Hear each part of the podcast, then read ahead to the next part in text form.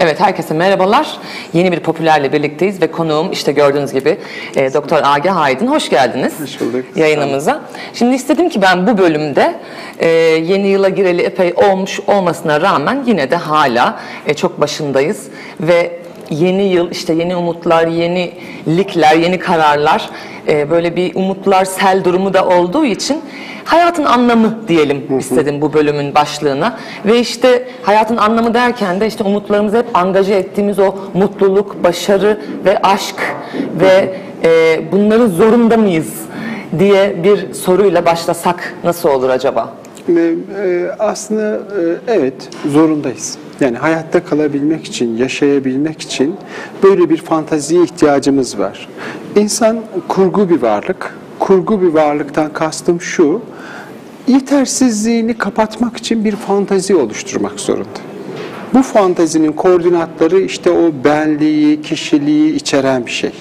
Yani biz bir boşluğun içine, anlamadığımız bir boşluğun içine, yani insan eksik olduğunu bilen ama neyin eksik olmadığını e, eksik olduğunu bilmeyen bir varlık. O bilmediği şeyin yerine bir varsayım koyuyor. Ona fantazi diyebiliriz, onun içine benlik diyebiliriz, ego diyebiliriz ne dersek. Oraya bir fantazi yerleştiriyoruz. Dolayısıyla bu fantaziyi tamamlamak, çünkü bütünlük duygusuna ihtiyacım var. Yani ben ötekilerden farklı, ben diyorum ya zaten ayırdım. Hayvanlar bunu yapmıyor.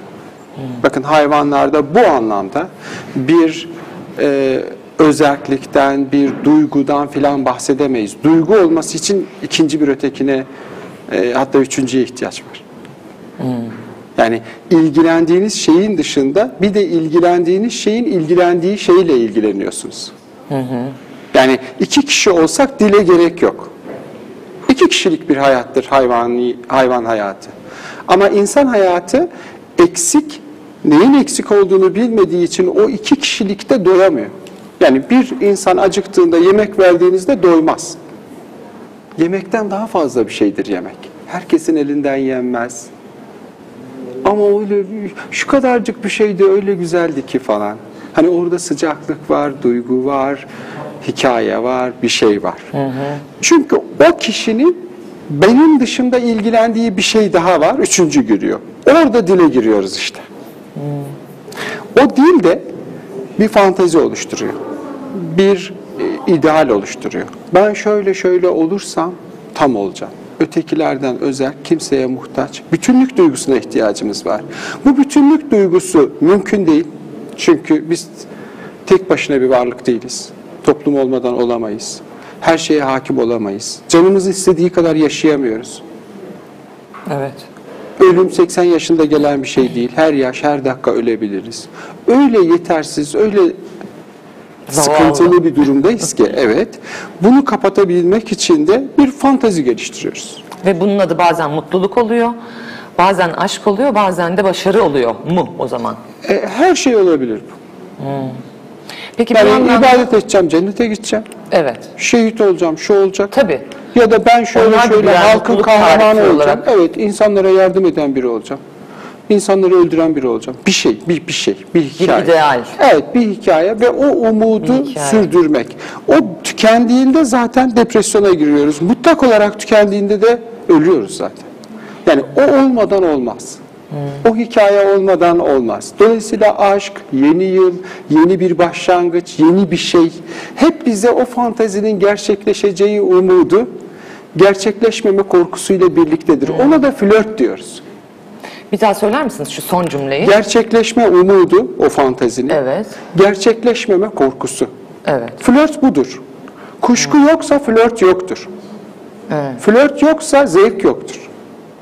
Yani bu benim malım, bu benim kocam, bu benim karım dediğimizde orada biter ilişki. Kuşku olması lazım. Peki İstemiyor olabilir. İstemesi için bir şeyler yapacağım. Galiba beni istiyor. Ya kuşku yoksa çünkü emin değiliz ya neye ulaştığımızda Evet, mutlu evet, olacağımızdan. Sahip olduğumuzda, tanımladığımızda biter. evet. Mesela evlilik aşkı öldürür diyoruz ya. İşte bu yüzden öldürüyor. Evlilik Çünkü tanım, herkes her şeyden çok emin oluyor. tanımlandığın için öldürüyor. Yoksa evlilik aşkı öldürmüyor. Ama tanımlıyor kişi. Bu şöyle şöyle olacak diyor. E o zaman onunla mutlu olamıyoruz. Evet. Biz bir fantazinin peşindeyiz. Evet. Hep o kuşkunun Kuşku. varlığı. Evet. E, olacak mı olmayacak mı? Olur mu olmaz Olacak. Mavi Ay dizisini hatırlar mısınız? David ve Maddie'nin David ve Maddie karakterlerinin orada nefis bir atışmaları vardı ya hep dizinin de bel kemiğini oluşturan zaten. İşte bazen çok iyilerdi, bazen çok kötülerdi ve hiçbir zaman öngörülemiyordu ne zaman iyi, ne zaman kötü olacakları. Evet. Yani ve hepimiz bayılarak izledik tabii. Ama o e, ilişki biçimi hep tekrar edile gele, gelen bir şey aynı zamanda. Tabii. Yani biz şu anda ikimiz e, bırakın böyle şey ilişkileri e, sıradan yani ne bileyim işte bir televizyon programında karşı karşıya konuşuyoruz. Agah Bey şöyle şöyle bir adamdır. Ona şunu sorunca şunu söyler gibi bir yargıya vardığınız an buradaki ilişki biter. Ben de sizinle ilgili bir yargıya vardım. Tanımlayıcı her söz ilişkiyi bitirir. Arzuyu bitirir. Zevki bitirir. Heyecanı bitirir. intihara götürür. Yani biri size siz demiyorsa, siz ne diyorsunuz? Sizce böyle mi O yapmalıyız? merakın kalıcılığı, Evet. hep merak etmek payı değil mi? Böyle yapın diyen En biri sizi sevmiyordur. hayatta. Doğruları bilen biri sizi sevmiyordur. Doğruları bilen biri. Doğruları mutlak doğruya ulaştığına inan, inanan biri kimseyi sevemez. Yani şöyle şöyle yapmak lazım, şu şudur, bu da budur, sen de şusun dendiğinde flört yok, kuşku yok. Evet. Sen, sen benim özne oluşuma, özerkliğime saygı göstermediğine göre Her şeyi bildiğine ve hepsinin doğru olduğuna inandığına göre ve benim de ne olduğuma karar verdiğine göre Evet. benim hiçbir değişimimi fark etmeyeceksin demektir. Ve farklılığını kabul etmeyeceksin Evet, orada demektir. heyecan biter, ilişki biter, zevk biter, aşk biter. Yeni yıl bu anlamda yeniliğe açık e, e, sizinle bir sohbetimizde e, sö- söylediğimiz bir şarkı sözü, bir mısra belki siz hatırlayacaksınızdır hevesle ilgili. Tekrar edebilecek misiniz bilmiyorum. Benim, Ee, evet evet. Bir daha o yolları aynı hevesle yürür müyüm? Evet. Sıla'nın sözüydü. bir daha aynı hevesle o yolları yürür müyüm derken ilk yürüyüşümde eğer onu kafamda anlamlı bir hale getirip tanımlamışsam heves kalır mı? Kalmaz. O şudur. Orası şöyle bir yerdir. O kadın şudur, o adam budur dediğimizde aynı hevesle yürüyebilir miyim bilmiyorum. Bilebilmek için saygı göstermem gerekiyor. Evet. Yani Çok hayata, işe, ilişkiye, e, arkadaşlara, sevgililere Ötekine. Saygı göstermeyen birinin bir şeyi sevmesi, arzulaması, aynı hevesle tekrar yürümesi mümkün değildir. Bir yandan da madem öyle bir yandan da bir bakıyoruz sosyal medyaya herkes tam da böyle davranıyor. Herkes her şeyi çok iyi biliyor. Her şey hakkında çok kesin yargıları var. Hepsi doğruluklarından çok eminler. Kendi fikirlerinin, görüşlerinin ve yorumlarının işte e, moda tabirlerle analizlerinin ve de tespitlerinin doğruluğundan o kadar eminler ve o kadar kesin konuşuyorlar ki Ee, nasıl sürecek o zaman ilişkiler? İnsanın nasıl bir varlık olduğuyla ilgili e, önemli bilgiler de veriyor aslında. Ee, söylüyor? Evet, şimdi bu sosyal medya herkesin konuşabileceği bir imkan tanıdı. Çok kıymetli. Ama insan konuştuğunda ötekini dinlerken ne düşündüğünü anlamamızı da sağladı. Hani bir otör, bir otorite, bir güç sahibi, bir politikacı, bir bilim insanı, bir magazin e, e, işte programcısı, bir işte gazeteci, bir yazar kendi alanı ile ilgili keskin sözler söylediğinde aslında insanın o kadar da teslim olmadığını görüyoruz. Çünkü bütünlük illüzyonuna ihtiyacımız var. Ben de biliyorum. Bu kıymetli bir şey. Ben de biliyorum. İyi bir şey demiyorum bakın. İnsan bu diyor. Evet. Kötü bir şey de demiyorum ama. O zaman herkes kendi illüzyonunu yaratıyor bir şekilde Bu böyle illüzyonu, davranarak. bu illüzyonu sürdürebilmek için bazen gerçeği duysanız da duymazsınız. Bu illüzyonu sürdürebilmek için inandığınız şeye inanmaya devam edebilmek için yalanlarımıza, cahilliklerimize sıkı sıkıya sarılırız. Sanıldığının aksine insan cahil olmak ister. Çünkü E, Çünkü o illüzyonu besleyen bir şey bu. O illüzyonu kaybetmemek için cahil olmak isteriz. Öteki mahalleden kimseyi duymak istemeyiz. Sosyal medyada iyi, sağlam bir araştırma yaparsanız herkesin kendi mahallesinde öttüğünü görürsünüz. Evet, ki yani zaten- sizin yazdığınız tweet, benim yazdığım tweet sizin ve benim gibi düşünenler dışındaki insanlara ulaşmıyor aslında. Çok yakında zaten e, Journa.com.tr'de yanılmıyorsam yayınlanan bununla ilgili tam da bir Evet. yazı var. Amerika'da yapılan bir araştırmanın sonuçlarını söylüyor. Gerçekten de kimsenin sesi öteki mahalleye ulaşmadığını ne kadar çarpıcı söylüyor. dikkat ederseniz. Evet. Yani e, bir, çok önemli bir işte fizikçi bir şey yazıyor ama sizin mahallenizden değil diye, sizin o bütünlük illüzyonunuza gölge düşürüyor diye duymuyorsunuz. Nasıl bir varlık olduğumuzu anlamak için çok kıymetli. Ama bu kötülerin böyle olduğu anlamına. Hepimiz böyleyiz. Ben de böyleyim, siz de öylesiniz, öbürleri de öyle. Çünkü risk almış oluyoruz. Yani alıştığımız sözlerin ve kalıpların dışında biri bir şey söylediğinde zahmete girmemiz gerekiyor. Fantaziyi yeniden, o fantazinin koordinatlarını yeniden düzenlememiz gerekecek. Oysa bizim kafamızda kötüler kötü, iyiler kötü, iyi, kimin kötü, kimin iyi olduğu ile ilgili zahmetli bir işi başarmışız. Tuhaf bir varlık çıkıyor, bize diyor ki ya bu sandığınız gibi değil. Bu çok rahatsız edici bir şey. Bu çok rahatsız edici olduğu için ya reddediyoruz ya da o zahmete katlanıyoruz. O zahmete katlananlara aydın diyoruz. Entelektüel diyoruz. Onun acısını çekiyor onlar da. Ya aydınlar da sürekli acı çekmekten falan bahsediyorlar. Bunlar da hani e, düşündüklerini, yaşadıklarını estetize etip sunan tuhaf varlıklar gibi görülebilir. Öyle değil. Acı çekiyor gerçekten. Çünkü bir insanın o kendi kişiliğinin kurucu mitinden vazgeçmesinin ne kadar zor olduğunu yani bir erkeğin ya da bir kadının kafasında kurduğu namus kavramını değiştirmesi ne kadar acı verici bir şey düşünsenize. Evet. Ve 30 yıl bununla yaşamışsınız. Şimdi de hiç tanımadığınız bir kadın, bir adam çıkıp bir şey söylüyor ve siz o miti yeniden düzenleyip yeni bir hayat biçimine dön gireceksiniz. Yok. Bu o kadar kolay değil. Bunu Tabii çok kolay değil. şanslı olanlarımız dışında Evet. zihin yapısı, ruhsal aygıtı buna izin verenlerimiz dışında kimse yapamıyor. Onlar da zaten çok sıra dışı varlıklar oluyor. Sanatçı diyoruz onlara, işte bilim insanı diyoruz falan. Deli diyoruz işimize gelmeyince de. Evet.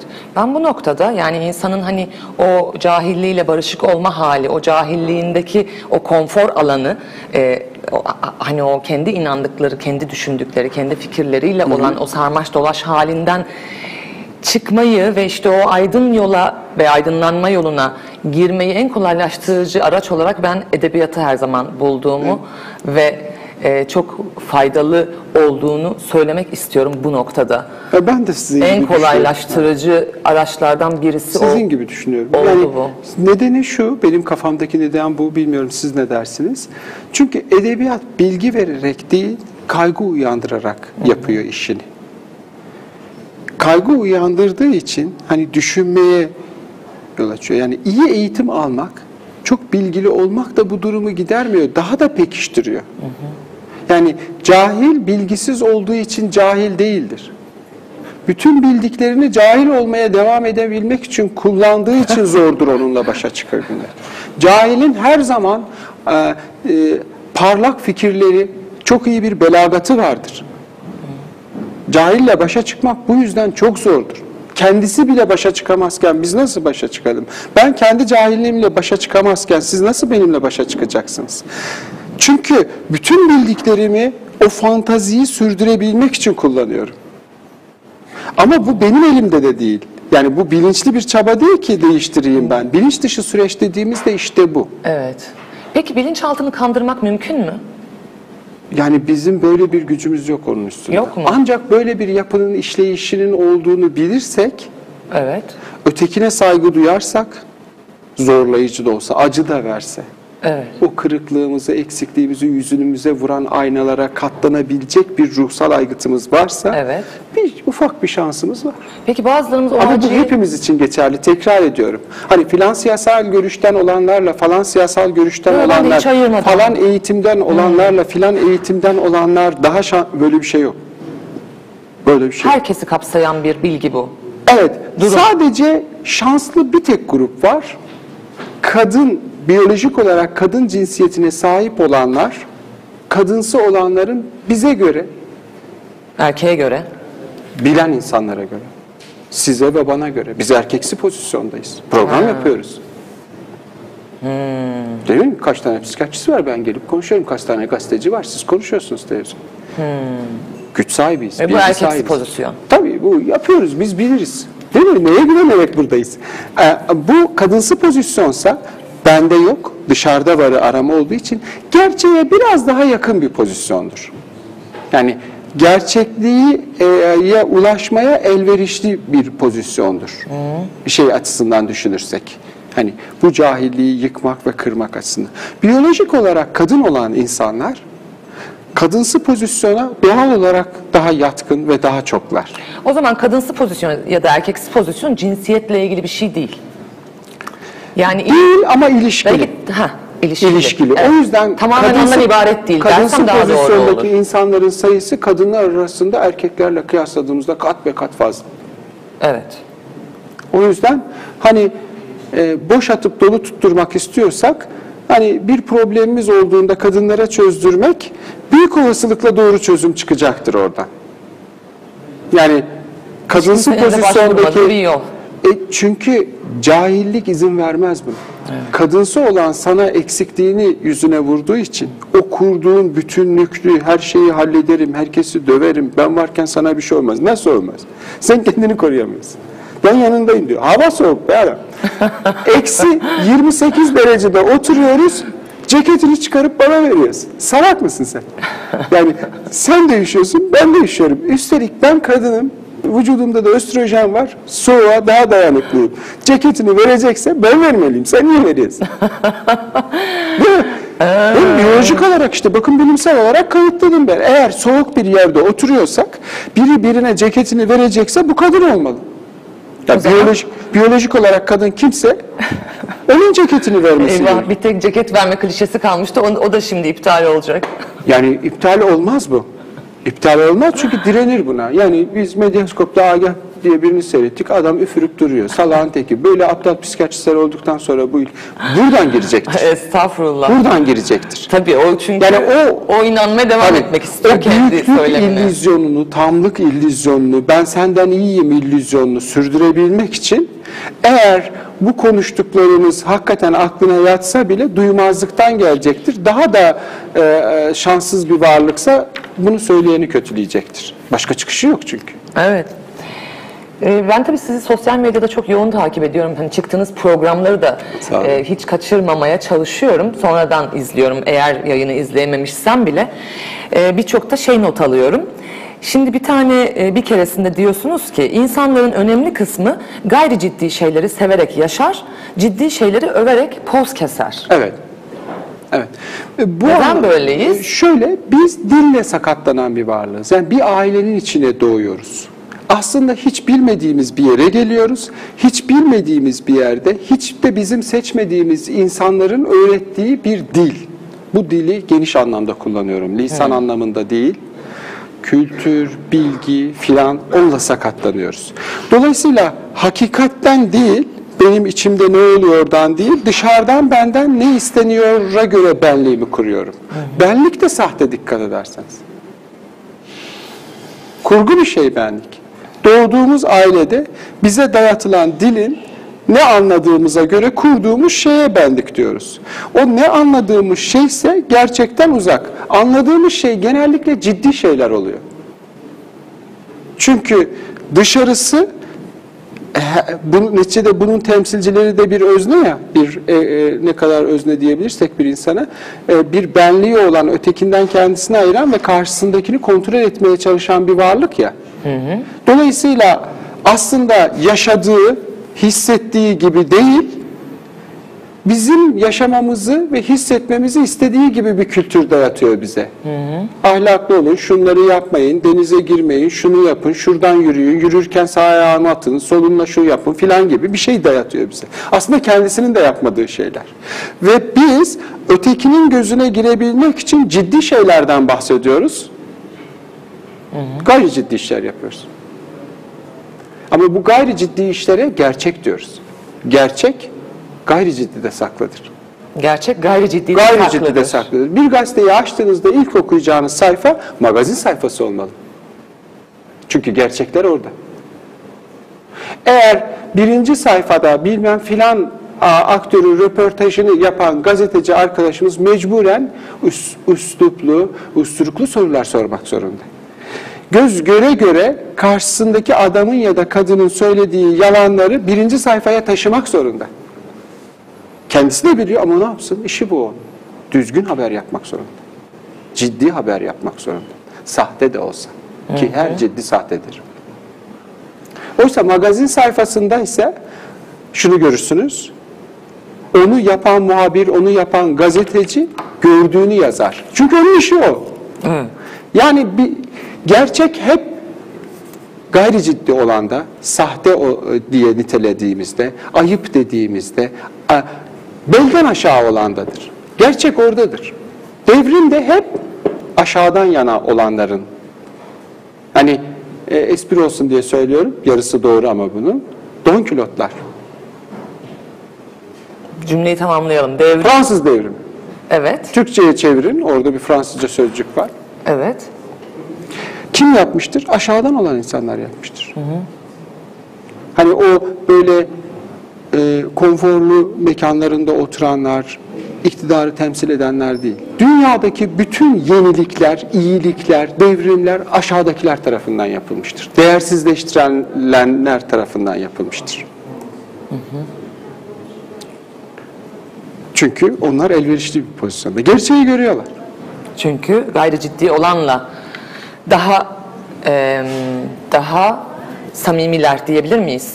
Gayri ciddi olan gerçek olduğuna göre gerçeğe yakın yerdeler. İşte gayri ciddi olanla daha gerçek bir ilişkileri Yani var. biz şu stüdyoya girdiğimizde ne yapıyoruz? Efendi insanlar oluyoruz. Oysa yani Sevim Hanım'la beni tanımak istiyorsanız bu, bu, bu acayip insanlarız.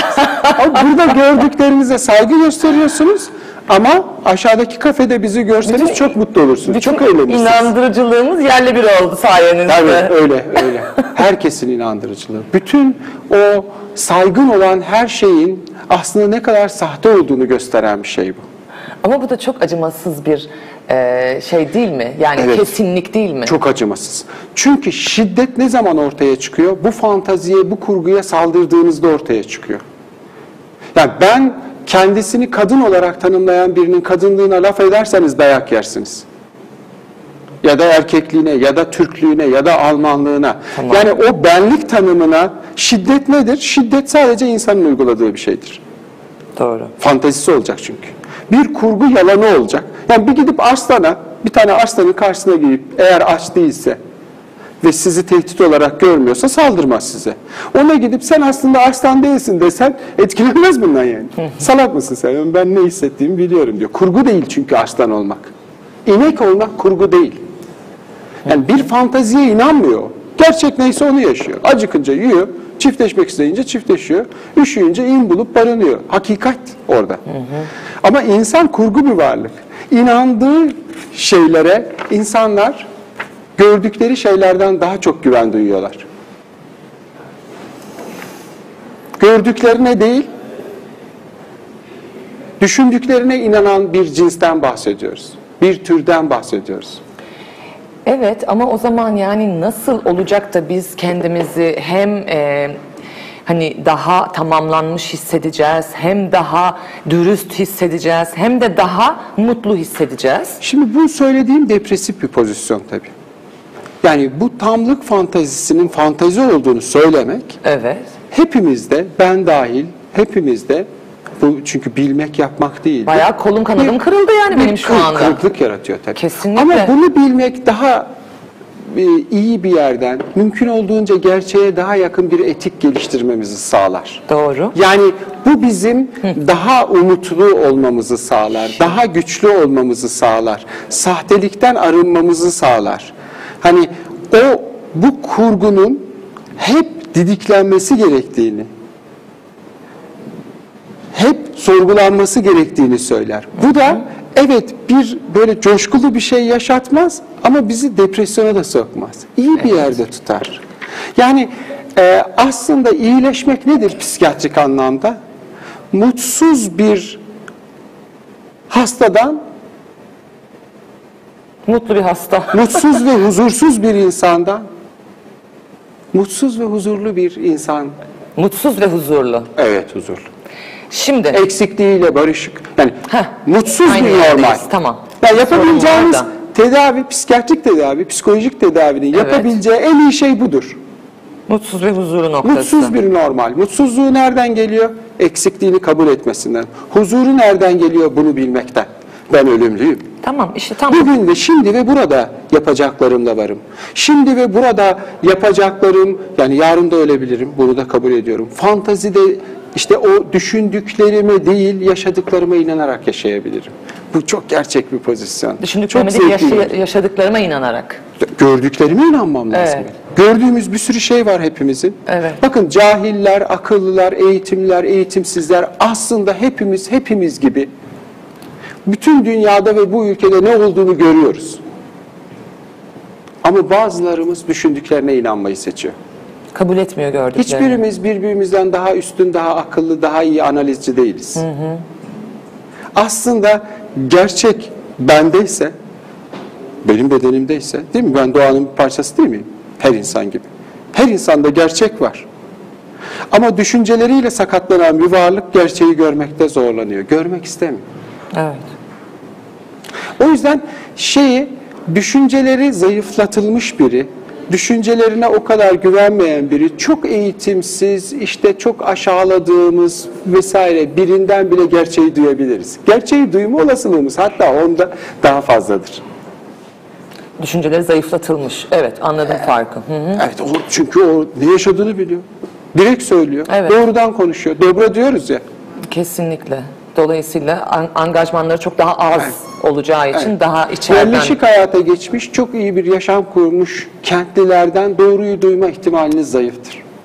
Çünkü onlar bir şeye angaje olmuştur. Evet. Yaşadıklarını değil, yaşamadıklarını savunuyorlar. Evet. Şöyle Çok yazmıştınız. konuyu dağıttım galiba. Yo yo ben deminki noktadan e, devam edelim istiyorum. E, yetersizliğini sahiplenmeye cesareti olanların bir başka deyişle kendine bakmaktan korkmayanların yaşayabileceği bir mutsuzluktur, Evet, mutluluk. Tam da konuştuğumuzu, evet, Tam da bunu, bunu, bunu söylemek istiyorum. Evet. Evet. Demin Evet. Biz yetersiz bir varlığız. Bunu kabul ettiğimiz an o tamlık illüzyonundan Evet. vazgeçemeyiz belki. Evet. Hep olacak o. Hep olacak. Ama bu tamlık illüzyonumuzun olduğunu, buna ihtiyaç duyan bir varlık olduğumuzu görürsek bunu da saygı gösteririz. Yani biri karşımızda böbürlendiğinde bir beş dakika susabiliriz. Ya buna ihtiyacı var, konuşsun ne yapalım. Yani Agah Bey de hani böyle havalı havalı konuşmaya ihtiyacı var. İşte Sevim Hanım da hani işte budur yani gerçek ilişki de budur. Sevgi de o çocuklaştığında biz anne biz çocuklaştığımızda da o anne olabiliyorsa hani o tamlık illüzyonuna ihtiya şey e, şey verir ya anne. Tolerans gösterir Evet, ya. verir. Hani oğlu gelip küçük bir 6 yaşındaki 7 yaşındaki oğlu ya da kızı gelip atıp tutarken anne de evet yavrum haklısın. sen Öyle çok mi? iyisin." Sonra ne oldu? Sonra ne oldu? Tabii. Evet. Bakın budur. Bu. Evet. Bu. Ama insan e, e, 6 değil 60 yaşına geldiğinde de farklı değil. O zaman da bu işlevi yerine getirecek bir kadın ya da adam buluyor. Sonra da tabii ki onu hiçbir kadın ya da adam yapmıyor. Sen benim sandığım gibi değilsin Değilmişsin. diyor. Evet, değildi. Peki bu yetersizliğini sahiplenmeye cesaret etme işi, kendine bakma işi, ciddi işler bunlar. Ciddi ve acı veren işler. Evet. Ama sorum şu, diyorsunuz ki bir yandan da her ciddi sahtedir. Nasıl olacak şimdi o zaman? Yani tam ciddi olup kendimi eee, daha eee illüzyonlardan kurtarmaya çalışan, buna çaba gösteren bir insan olmaya çalışırken ben bir yandan karşıma şu çıkıyor. Her ciddi sahtedir. O zaman nasıl çıkacağım bu işin evet, içinden? Gerçek tektir. Evet. Ama bu gerçeğe ulaşırken tamlık illüzyonu bize sürekli gerçeğe ulaştım yanılsamasıyla konuşturuyor. Şu an beni konuşturduğu gibi. Değil mi? Yani eksiktim, rahmi kaybettim. Annemin rahmini kaybettim. Sonra o rahim ters döndü ağzıma girdi meme oldu. Sonra 6 aylıkken onu da çektiler. Boş ağızlar konuşup duruyorum. Tabii. Onunla dolduruyorum. Konuştuklarımla dolduruyorum eksiklerimi.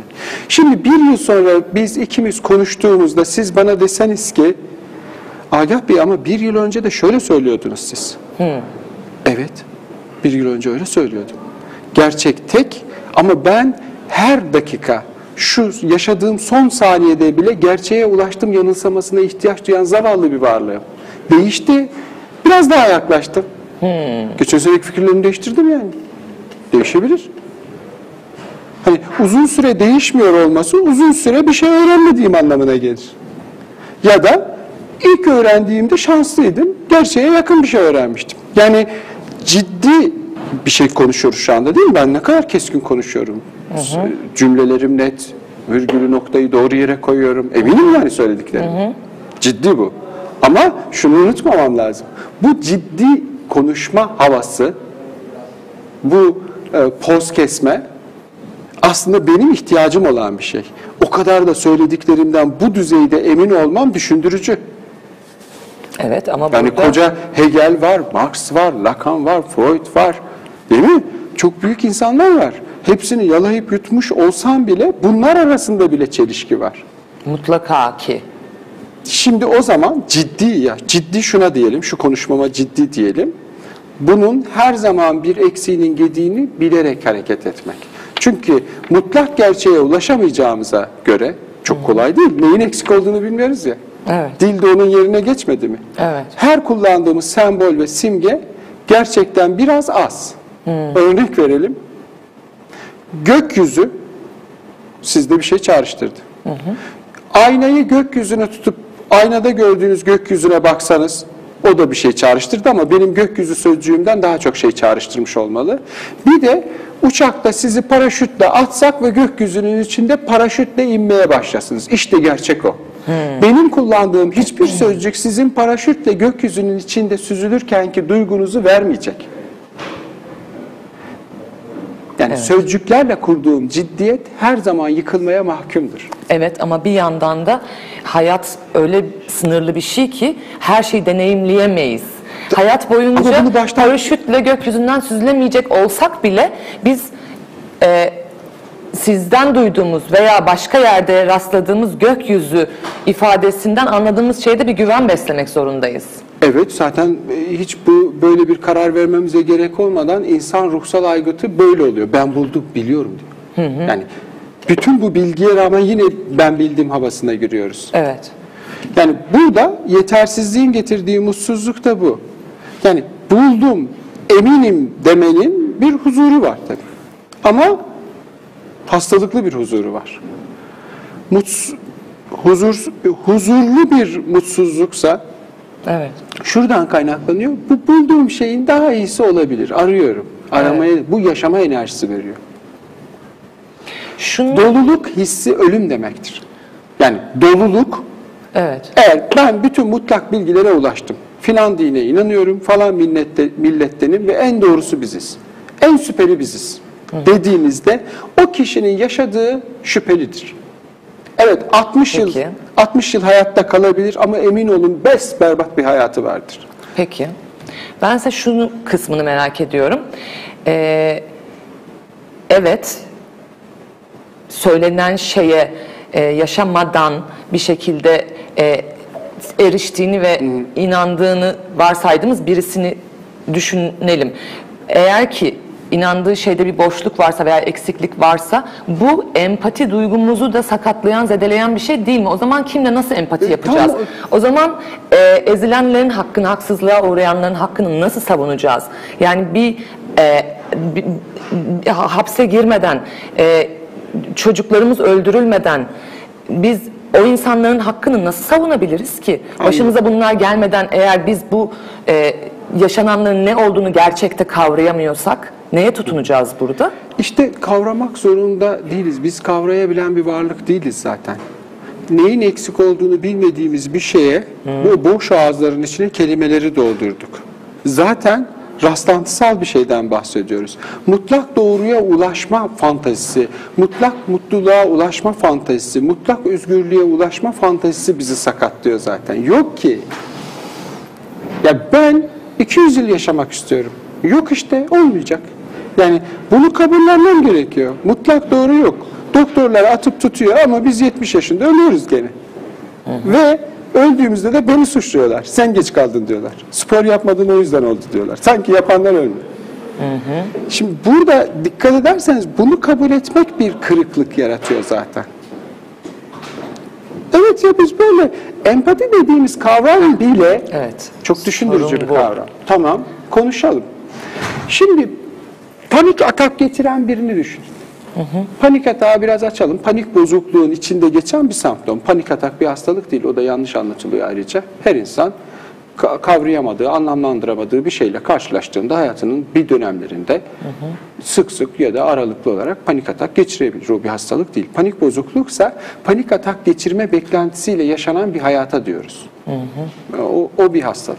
Neyse panik atak geçiriyor kişi. Koltuğun üstüne çıkıyor. Şuradaki masanın üstüne çıkıyor. Siz bana diyorsunuz ki Agah Bey yani bakın yanınızda bir fino köpeği var. Ben o fino köpeğini görünce masanın üstüne çıkıyorum. Siz bana diyorsunuz ki bakın bu fino köpeği küçücük bir köpek. 10 yıldır benimle aşıları tam. Tasması var elimde. Yetmiyor. Kucağınıza alıyorsunuz. Parmağınızı ağzına sokuyorsunuz köpeğin. Bakın dişleri bile parmağıma geçmiyor. Lütfen aşağıya inin. Az da olsa bu söyledikleriniz benim kaygımı azaltır mı? Zannetmiyorum. Hı hı. Azaltması beklenir. Bu anlatma çabasına girdiğinize göre Tabii. azaltmaz, Ben o umutla söylerim Azaltmaz. ama azaltacağını zannetmiyorum. arttırır. Hı, arttırır. Arttırır. Çünkü siz bir Üstelik. de bana salak dediniz. Gerek yok çünkü. Salak dediniz. Hani o küçük ben kaç yaşında demem o küçük köpeğin bana zarar verip vermeyeceğini bilmiyorum. Anladım. Aslında empati dediğiniz şey bakın neye neden oldu. Yani tam benimle empati kuruyorum derken salak dediniz bana. Oysa hakikat şu olabilir. Ben 6 yaşındayken parkasının kolunda kürk olan bir adamın cinsel tacizine uğramış olabilirim. Babamı bir köpek saldırıp öldürmüş olabilir. Evet. Ve ben o tüylü şeyi gördüğümde öldürülme, yok olma, parçalanma korkusunu yaşarken siz bana bir şey olmaz diyorsunuz. Hiç empatik bulmadım.